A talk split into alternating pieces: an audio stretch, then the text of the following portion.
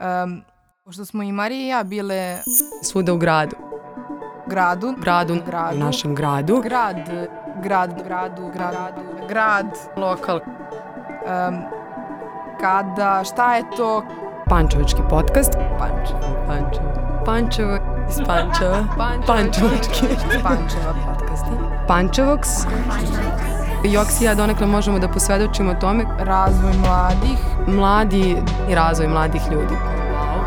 mladi, mladi, šta je mladima potrebno, a da se tiče mladih. Mlađi. Aktivizma. E, volontiranjem, organizacijama, Volonterske vode, volontiranje nevladine organizacije, da organizujemo Zajednice. organizacije karijerni put, priliku, podršku lokalne idole, takav vid edukacije. Baš bih fazon da bude neformalno. Raskrinkama. možemo Jo, sad, znači treba dovoljno optimistično da zvučim. Pančevoks podcast. Znači, krećem. Dobro, krećemo. Marija. Ćao. Izvini. Šuška. Marija. A smešno si rekla čao. Smešno si rekla čao.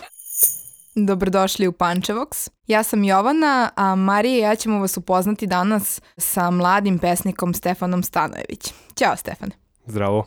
Evo, Stefane, kada bi saželi tvoju karijeru u nekoliko rečenica, ti si svoju prvu zbirku poezije Mladi Atlas objavio 2016. godine. Član si udruženja književnika i književnih prevodilaca Pančeva. Od januara 2018. uređuješ pančevački književni serijal Punchtown Poetry u štabu Pogon i tvoja druga zbirka poezije Napad panike izašla iz štampe prošle godine.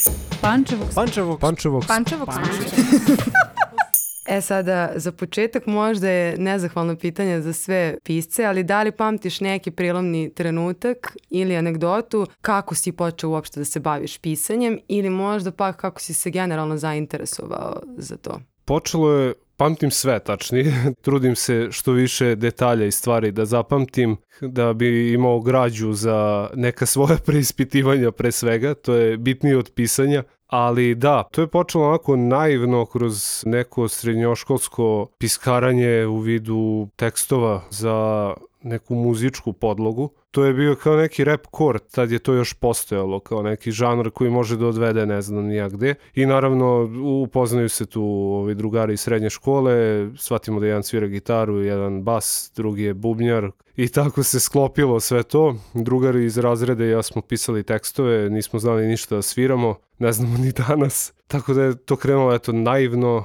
poprilično neozbiljno i radi nekog hobija i onako razonode to se brusilo čitanjem više nego nekom rutinom pisanja. Tako da je to neki naivni početak. Koliko je škola imala uticaj na to? Da li si imao neku podršku nastavnika i da li su oni uticali na tebe dalje da se možda razvijaš u tom pravcu? Škola je imala uticaja zato što sam je pogrešio. To je onako najveći, najkonkretniji utisak koje je srednja škola ostavila na mene. To nije bila moja želja, to je neki ono konflikt porodični bio. Ja sam poprilično sin radničke klase i onda umetnost malo nezahvalno posmatraju kod mene u familiji.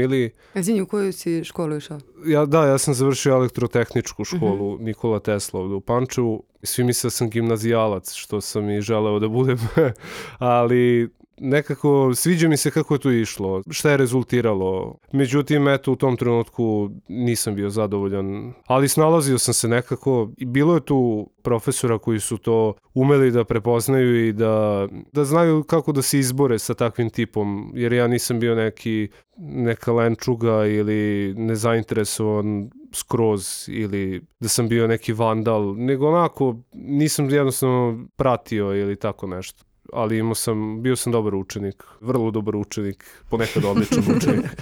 Ali onako, terao sam kontru i natio sam se dosta, tvrdoglav sam i danas i bilo je nekoliko profesora kojima sam zahvalan kako su to uspeli da vrate na neki ono put, jer inat može da bude dobro oružje, samo da ne preraste u neku ostrašćenost. Naravno i moja profesorka srpskog koju bi ovim putem želeo da pozdravim, profesorka Ljubica Janošević je tip osobe na koju se ja ugledam sad i kao prosvetnog radnika, što bi želeo jednog dana da budem. Imao sam i kratku karijeru tu, na zameni, pa eto, profesorka mi je postala i koleginica jedno vreme u zbornici.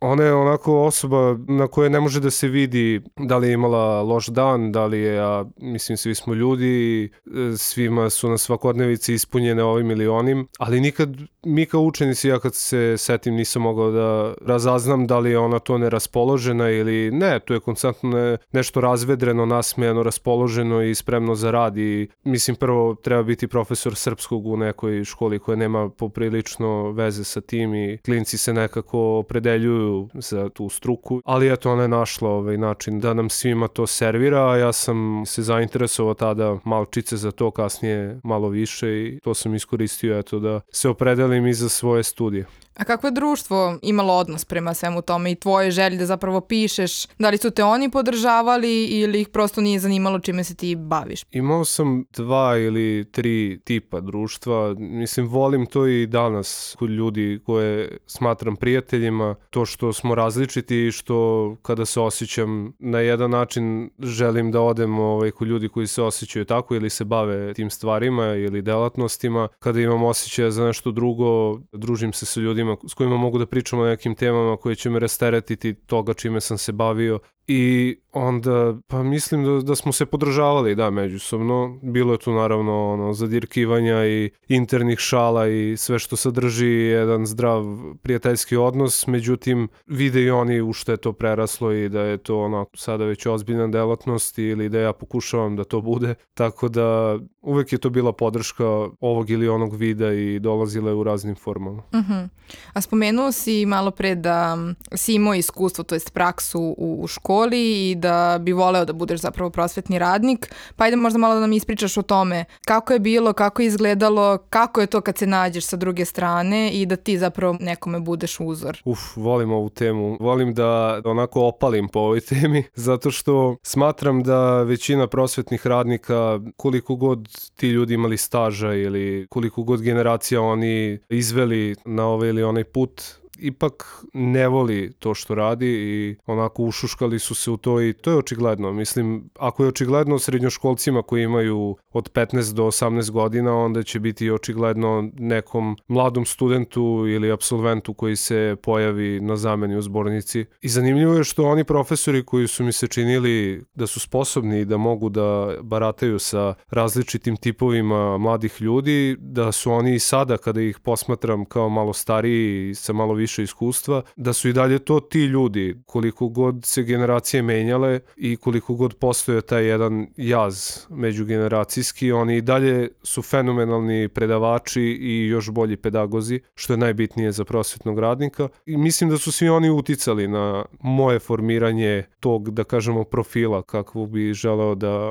predstavim nekim drugim učenicima. I onda je bilo poprilično lako, mislim, lakše i mlađim profesorima, zato što mnogo mnogo više nas povezuje internet i mediji, sličan nam je humor i vidovi ono socijalne angažovanosti i tako dalje. A to je greška ja mislim kod većine profesora da tako kažemo starog kova što oni nemaju strpljenja za mlade ljude i otpisuju ih prerano naspram nekih površnih stvari koje su vrlo da kažemo mogu da se leče, izlečive su. Sve su to te bubice i tužno mi je što ljudi zaboravljaju da su i oni nekada imali ono od 15 do 18 godina i šta ih je interesovalo, to vidim i kod nekih svojih kolega po stavu prema praksi kada dolazi na red na fakultetu i tako dalje. Neko iščuđavanje kako mladi ljude ne interesuju, ne znam, naši klasici ili ovo ili ono, pa da se ne lažemo ni mene, to nije apsolutno interesovalo do kraja srednje škole pa i početka fakulteta. To mora da se desi nešto u tebi ili da imaš neki klik, neku osobu ili motivaciju da bi se ti stvarno posvetio i da bi ušao u nešto. Mm -hmm. Kad si već kod te prakse gde si se našao i sa te druge strane, Ti deluje možda da, da bi možda čak se đaci pre poistovetili sa nekim delima koje su možda da bliža nekom vremenu u kome i oni sami žive. Moja negde lična boljka je što mi deluje, na primjer, da savremena književnost uopšte nije zastupljena u školama. Naprimjer, mi u gimnaziji da nismo imali Nevenu Stefanović za profesorku srpskog jezika i književnosti, verovatno se ne bi upoznali ni sa Murakamijem, ni sa Erlandom Luom, ni sa tako nekim ono, savremenim picima koji zapravo čine bitan segment realno današnje ove, književne scene. Kako ti na to gledaš? Da li negde onda može taj kurikulum da bude, ukoliko bi bio bolji, da bi negde olakšao i profesorima i učenicima? Pa to je sad kompleksno pitanje, ja još pokušavam sebi da definišem odgovor na to. Mislim da bi to mnogo stručniji ljudi od mene trebalo da se pozabave tim nekim pitanjem, recimo ubacivanje toga u školu. Ne pokušavam još da se mešam u neke predloge za izmene prosvetnog plana, jer smatram da su ta dela koja su tu s razlogom tu, opet smo kod tog generacijskog jaza i razlikama između različitih učeničkih stadijuma u različitim zemljama i znamo vrlo dobro da je taj prosvetni plan i program da vuku korenje još iz prošle zemlje i pretprošle zemlje i one pre nje. da. Tako da kad se već toliko stvari izmenilo, a to je zaista i na ekonomskom i na političkom i na socijalnom planu, pitanje je šta sad može da osveži taj plan i program, a to su upravo ti profesori koji će davati neke predloge malo onako ispod žita i tako dalje. I to je dobro, pratiti slepo neki plan i program, ono, svi bismo bili roboti. Ima to i do učenika, ono, pojedinac se istakne sa svojim interesovanjima, predloži to odeljenju ili zajednici, može da se radi na tome. Ta savremena književnost skoro da se i ne izučava na fakultetima i mestima gde zaista treba da formira ukus nekih budućih profesora i prosvetnih radnika. Nažalost, ti, da kažemo, stručni ljudi nisu se posvetili tome iz nekih, nažalost, privatnih razloga, to je često neka sueta ili neki lični ukus i pogled perspektiva prema savremenoj književnosti koja će najčešće da se dojmi od strane njih kao nekompetentna u odnosu na klasičnu ili tako dalje, a neće se desiti srpskoj književnosti ni Pekić ni Kiš iz razloga koje smo već naveli. Menja se podneblje, menjaju se inspiracije i motivacije u sredsređenost autora, tako da ne može borba današnjih autora da bude nekadašnja borba autora i to je sasvim neka prirodna stvar, ne znam zašto bismo stalno pričali o tome, ali ajde, kad već pominjemo to, čovek koji pokušava to malo da osveži se pojavio nedavno, to je Ivan Đurđević, on ne bi volao sebe da nazove kritičarem, ali eto, on je mladi kritičar, što je danas tek redkost među književnim svetovima. Čini mi se da se on bavi sakupljanjem neke građe, određivanja nekih tokova u 21. veku koji bi možda mogli da nam odgonetnu kako da smestimo neke autore ili kako da definišemo ovo vekovnu književnost pa da je možda probamo i da je serviramo i učenicima da vidimo što ona nudi tako na papiru kada vidimo koji su to zajednički motivi koji se obrađuju u različitim delima i mislim da je to bitno da se pojavi. Sad možda i malo da se udaljimo od škole i pošto su tvoje pesme objavljivane u rukopisima, to jest zborniku poezije i proze sa prostora XU, koliko je tebi to iskustvo značilo? To bi i Oksi mogla da, da odgovori, da. pošto i Oksi su objavljivali. Mene, na primjer, nisu. Fenomenalni. Mene nisu objavili, tako da vratno da, da nešto i to mi na kraju ne piše više dok si ti posle i postao, imaš već svoju drugu knjigu, Koliko je to iskustvo značajno? Pa vrlo značajno. Rukopisi su fenomenalni stvarno iz razloga što je to stvarno jedinstven zbornik po svojoj konstrukciji i programu koji nudi. To je uvek mesto susreta u Pančevu. Nastavilo je da neguje tu tradiciju da ljudi iz regiona dolaze na tih nekoliko dana i da se autori međusobno druže, što je vrlo, vrlo bitno stvarno sam zahvalan rukopisima, ja ih isprva nisam doživljavao toliko ozbiljno, to je samo moj propust bio i drago mi je da sam to izgladio.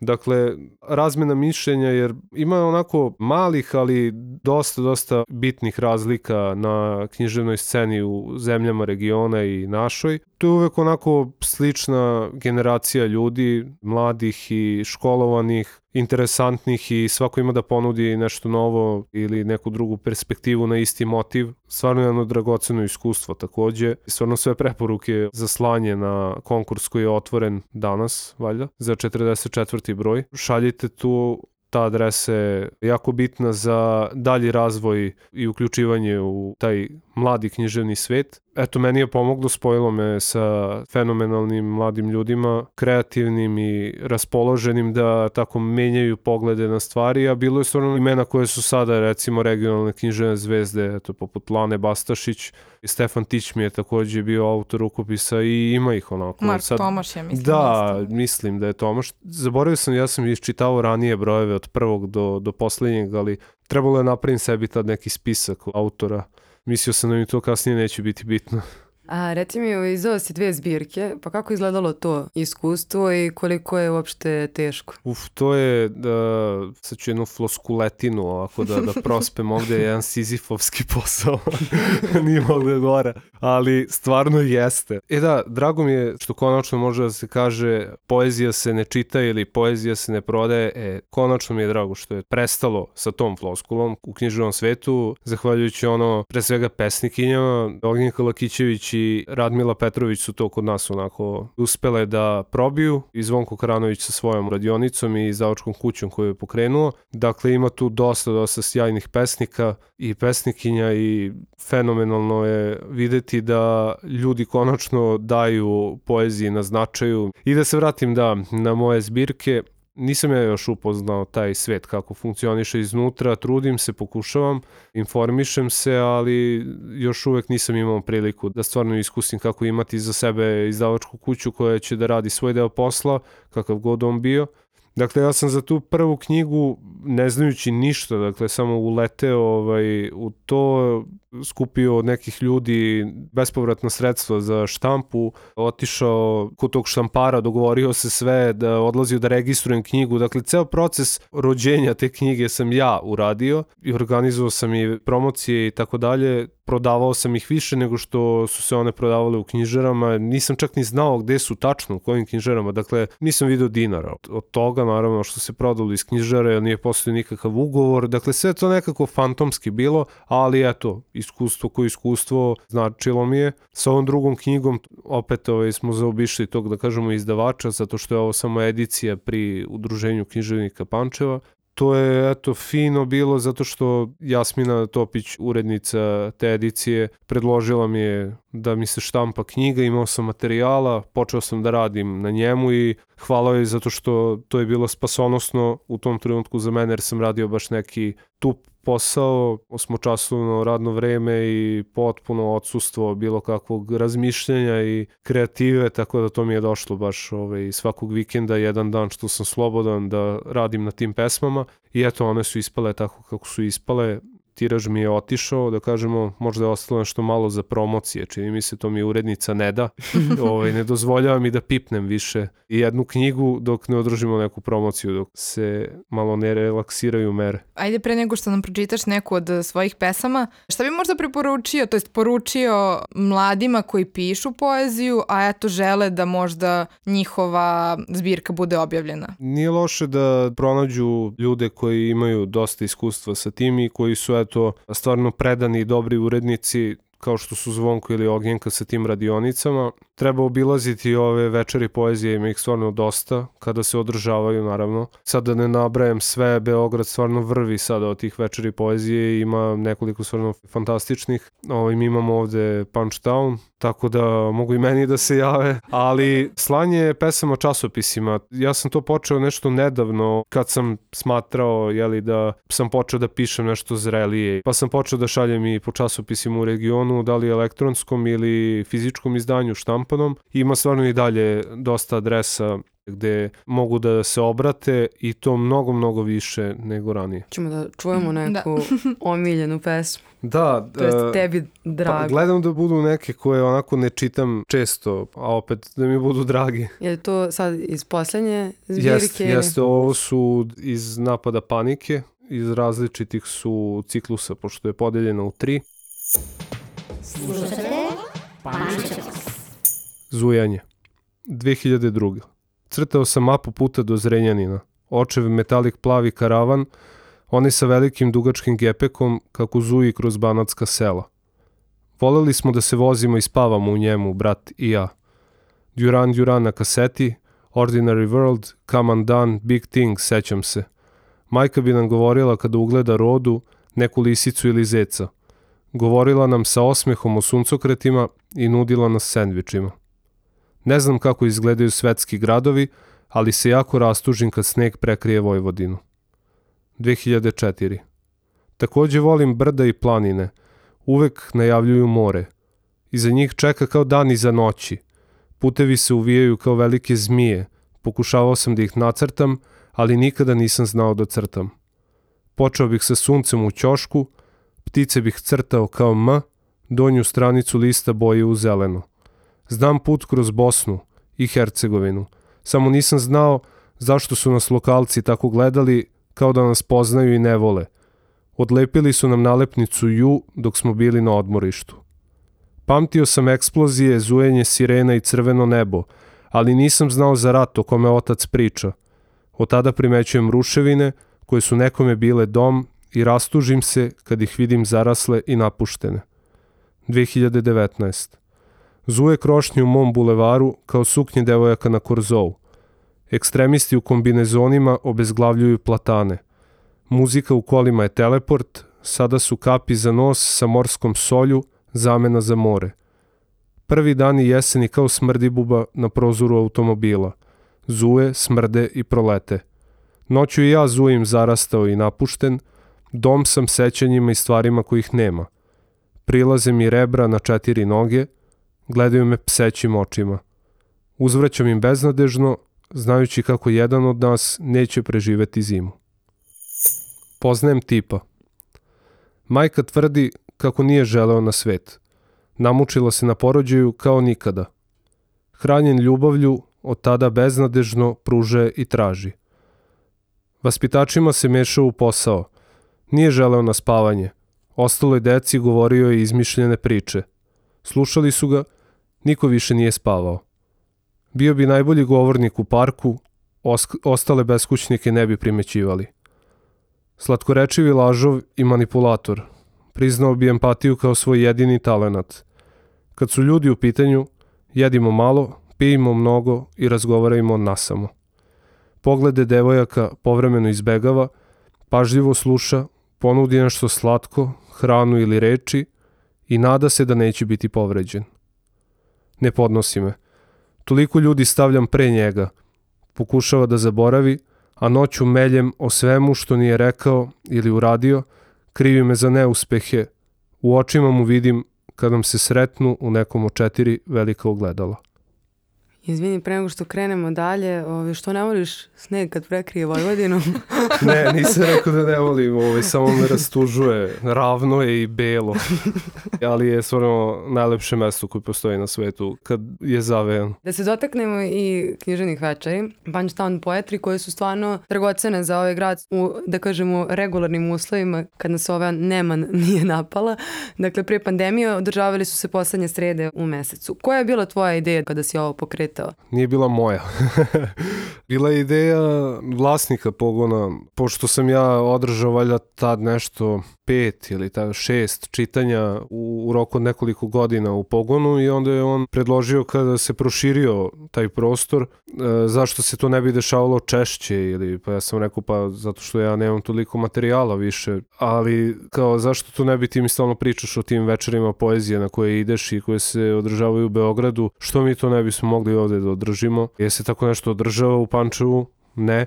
I onda smo došli do dogovora isto to veče da probamo da organizujemo, da pozovemo zapravo nekoliko ljudi koji bi čitali i da smislimo neke uslove koji bi se svideli ljudima koji bi dolazili recimo iz Beograda ili iz drugih mesta u zemlji ili regionu. Nadam se da će Punchtown da se vrati sa ovog jednogodišnjeg posta ovaj, što pre. Jednostavno nisam poželeo da organizujem ništa online i zapravo Punchtown Poetry nema ni svoju stranicu nisu ni na Instagramu, ni na Facebooku, ništa, samo postoji kada pozovemo te autore i napravimo plakate i, i organizujemo to nekoliko nedelja unapred i sviđa mi se da bude u toj formi. Ja sam razmišljao stvarno o ažuriranju stranice ili nekog mesta gde bi moglo da se vidi nešto zanimljivo, ali to treba održavati, a ja sam lenj i tako, milion nekih obaveza koje će iskrsnuti samo odjednom. Morao sam da pozovem da Tijanu Savatić, koju sam zahvalan, jer ona je nekoliko poslednjih čitanja održala u životu kad sam se ja bavio tim glupim poslom. Dosta mi je pomogla i ugostila je isto divne mlade ljude i jednu izdavačku kuću i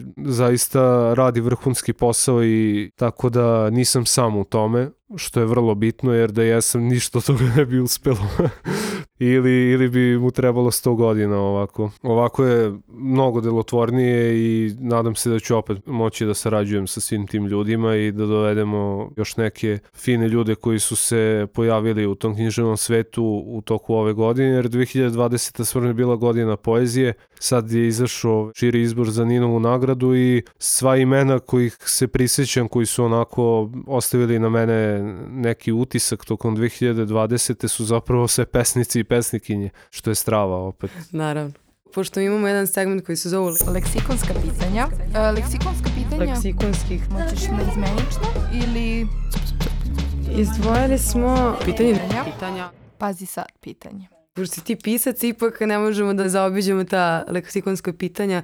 Ko je tvoj omiljeni pisac? Moj omiljeni pisac John Fante, on me je uveo u književnost, jer to sam zaboravio da kažem, književnost je, je neka bezgranična uteha, jer i ono što smo pominjali, da li bi đaci ili mladi ljudi mogli da se povežu sa nečim što im je sada blisko ili što je savremeno, mogli bi da se povežu i, i posvete i temama i motivima koji su tu i pre recimo 40 ili 50 godina, kao što je to vreme kada su izlazili Fanteovi romani. Meni je bilo nevjerovatno da su ti romani pisani 30-ih, znači u međuratnom periodu ih je pisao, a da ja mogu potpuno da se povezujem sa nekim mislima ili osjećanjima koje tada u srednjoj školi se dešavaju meni i naravno mislite uvek da ste izostavljeni ili da niko ne može da vas razume i tako dalje i onda se pojavi pisac koji je toliko godina mrtav i koji tek dobija sada u narednim godinama slavu koju, mislim, pod znacima navoda, pažnju zapravo koju zaslužuje.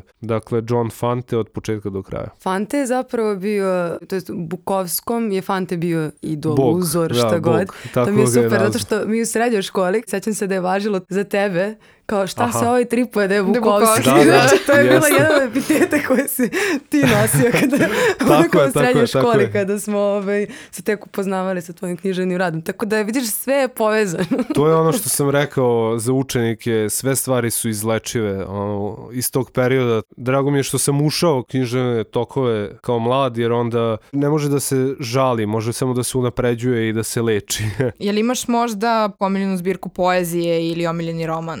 Lirika i takvi komentari, to mi je definitivno omiljena zbirka poezije zato što je revolucionarna, samostalna i jedina u opusu Miloša Crnjanskog, iako je kroz proznu i romancijersku formu i dalje zapravo pesnik i to najveći na Balkanu po mom mišljenju. Možda onda odmah i da te pitamo koja je ti omiljena ličnost iz Pančeva, bilo neka savremena ili istorijska? Da li je to upravo Miloš Crnjanski koji je jedan period života živeo ovde? Da, on je imao veze preko majke i njenog oca. Nedavno sam tek pročitao famozne priče o muškom, malo poznato delo Miloša Crnjanskog, koji mi je devojka poklonila za rođendan i onda tu ima još veću težinu za mene. Prva priča, čini mi se, koja otvara te priče o muškom, mislim da se radi u Pančevu baš i tačno se vide neke ulice ili mislim da se čak i Trubač pominje kao jedno mesto sastanaka ili neka berbernica još nedostaje mi i nedostaje Pančevu i nije učinio ništa toliko veliko da bi ga sad mnogi znali. Selim je bio jedna svojevrsna ikona Pančeva, tip čoveka koji je uvek bio raspoložen i uvek je onako unosio to da li je došao među ljude svojih godina ili mlađe, svuda je bio, to se sećam, znači on, on je bio jednostavno na svim mogućim utakmicama, svirki u studiju 21 i studentskom, dom omladine, Selim je svuda u krugu, u parku. Jednostavno, takvi ljudi fale onako ovom gradu. Ja mislim da su svi postali preterano ozbiljni. Sad kad smo krenuli s ovim lokal patriotskim leksikonskim pitanjima, koje ti je omiljeno mesto u Pančevu? Pa pored pogona u kom sam sad navikao već da zapravo da dolazim da bih čitao, volim svoje naselje, baš, baš volim Kotež 2. Mnogo zelenih površina na Kotežu 2, mnogo dece ponovo, imamo to brdašce, da li je Simino brdo ili tako nešto, ali lupio sam, nije Simino brdo, je nešto drugo. Ali to brdo ima, ima svog tvorca i naći ću tu priču jer sad ide sneg i uvek se setim te priče. To je isto jedan pančevac. On je napravio to brdo od nekih ostataka neke zemlje koje se tad iskopavale i to on je, ja mislim, bio radnik koji je radio na, na Kotežu 2 i onda je ostavio to brdo bukvalno za decu. Kad sneg zimi napada da imaju veštačko brdo. Strava. Da li imaš omiljeni događaj ili manifestaciju? Pored rukopisa, to je bio onaj rock fest koji se održavao u Domu omladine. To nikako nisam smeo da propustim kad sam bio klinac i bilo mi je baš žao kad je prestalo. A omljeni bend ili muzičar? Kad smo sad kod Pančeva, ja ono volim i Butch Cassidy i Ljubičice. Jedva čekam rat ljudi protiv mašina, bukvalno. kad sam oko toga. S, tako i sa bendovima, jedva čekam kad neko iz Pančeva ovaj, uspe da mogu da čujemo ljudi naokolo, da se slušaju i da, da ih slušaju. Šta bi volao da budeš kada porastiš? Strava, ne znam. to je onako kod mene, ja mislim, ujedno i problem i lepa je jedna stvar što ne znam ništa. ne, voleo bi eto da, da radim kao profesor u školi, Možda neću, možda će me pustiti taj, taj entuzijazam, ja se nadam nikad. I jedno još pitanje za sam kraj, a šta bi poručio mlađem sebi? Čitaj, ono, uradi sve što si uradio, otko znam. Pogreši još više i ne boj se, jedi koliko hoćeš, smršećeš posle za 24. to je to. I da, da, je, jedno je jako bitno, zaboravio sam, ne, nikada prestaneš da treniraš košarku, treniraj dokle god možeš, konju. Stefane, hvala ti puno na ovom gostovanju, ja hvala sam stvarno vama. uživala. Takođe. Želim vam sreću u narednim emisijama i sa narednim gostima. Hvala, hvala. ti puno i mi pozivamo naše slušalce da nam pišu ukoliko žele ili imaju prijedlog koga bi voleli da čuju od narednih gostija. Pančevox podcast je nastao u produkciji Krokodil studija u Pančevu. Autorke Pančevox podcasta su Jovana Jankov i Marija Todorović, producent Vuk Stevanović. Ja sam Stefan Stanović, slušali ste Pančevox. Uloge tumačili Nada Blam, Vlastimir Đusa Stojiković i Nikola Simić. Ton majstor Richard Merc. Bravo. Jo, kako dobro, ej. To moraš da ostaviš, Vuče. Ovaj projekat finansiran je od strane Ministarstva omladine i sporta Republike Srbije u okviru Šta nam teško konkursa, koji realizuju mladi istraživači Srbije u partnerstvu sa organizacijama Pokret Gorana Vojvodine, Team 42, C-grad i Empower. Stavovi izraženi u podcastu isključivo su odgovornost autora i njihovih saradnika i ne predstavljaju zvaničan stav Ministarstva omladine i sporta.